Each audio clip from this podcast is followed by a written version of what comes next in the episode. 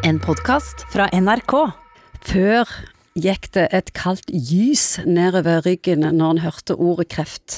Da var du strengt tatt eh, ferdig. Men det er heldigvis lenge siden. De fleste blir eh, ganske friske, eller i alle fall bedre, og det er langt ifra en dødsdom i dag å få kreft. Og Morten Munkvik, burde vi finne nye ord, mer nyanserte ord for kreft? Kanskje man burde det. Det er veldig stigma forbundet med det ordet. Ordet har en enorm kraft. Ja, og Sterke følelser ble vekt. Absolutt. For en del år tilbake så vegra legene seg for å gi budskapet, til og med. Kreft blir kurert i to av tre tilfeller i dag. 40% får vel kreft en eller annen gang i livet, og enda flere dør jo av et eller annet uten at de visste at de hadde en eller annen kreft. Og man sier jo at hvis menn bare hadde blitt gamle nok, så hadde alle fått prostatakreft. Eh, Burde vi lagt ord som beskriver en ufarlig kreft eh, du kommer til å bli frisk av, eller en kreft som er mer krevende og utfordrende, eller en dødelig kreft? Min erfaring med akkurat de samtalene med kreftpasienter er jo at de fleste vil høre ja eller nei, er det kreft? Og så, og så får en heller si ja, dette er en kreft, men nå skal du høre, om din kreft gjelder følgende. Sånn og sånn og sånn. Og der er nok folk blitt litt mer sånn nyanserte, sånn som du er inne på, at det, det er ikke lenger en selvsagt dødsdom, og folk innstilt på at kreft er enkelte ganger en del av det som eh, er å bli gammel, og dette kan en klare å få bukt med, eller leve godt med, uten at det, det blir en, et problem på sikt. Hva betyr egentlig kreftfri? Kreftfri er en ullen term.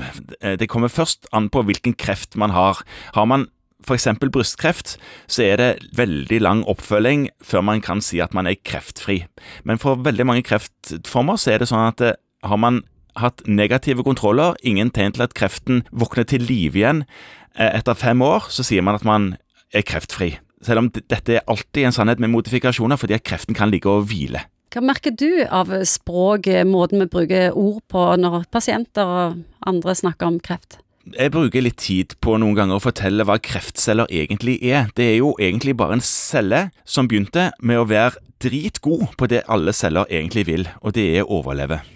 Det som er med kreftcellen, det er at den slutter å bry seg om omgivelsene, og respekterer ikke organismen som helhet, og er dønn egoistisk. Jeg tror egentlig man kan si det sånn som jeg leste et eller annet sted, at kreft er prisen å betale for evolusjon.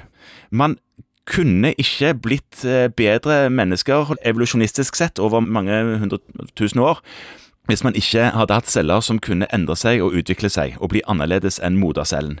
Og det er jo det kreftcellen gjør. Den har utvikla seg til å bli dritgod på overlevelse og respekterer ingenting. Og det er kjempebra for cellen, men veldig dårlige nyheter for individet som eier den cellen. Fordi at det er ikke forenlig med fremskritt på individnivå. Og så er det det hva type kreft har en, og hvordan skal en behandle akkurat den typen kreft. For, for en person som sitter for en kreftdiagnose, så er det lite konstruktivt å høre om eh, hva dette har å si på, in, på, på, på artsnivå. Du er jo opptatt av deg sjøl. Du vil jo høre er dette noe jeg dør av, eller er dette noe jeg ikke dør av. Og den samtalen er blitt enklere etter hvert som man får bedre behandling for veldig mange forskjellige kreftformer. Har du måttet fortelle noen at de har kreft? Det skjer dessverre ganske titt. Hvordan er det?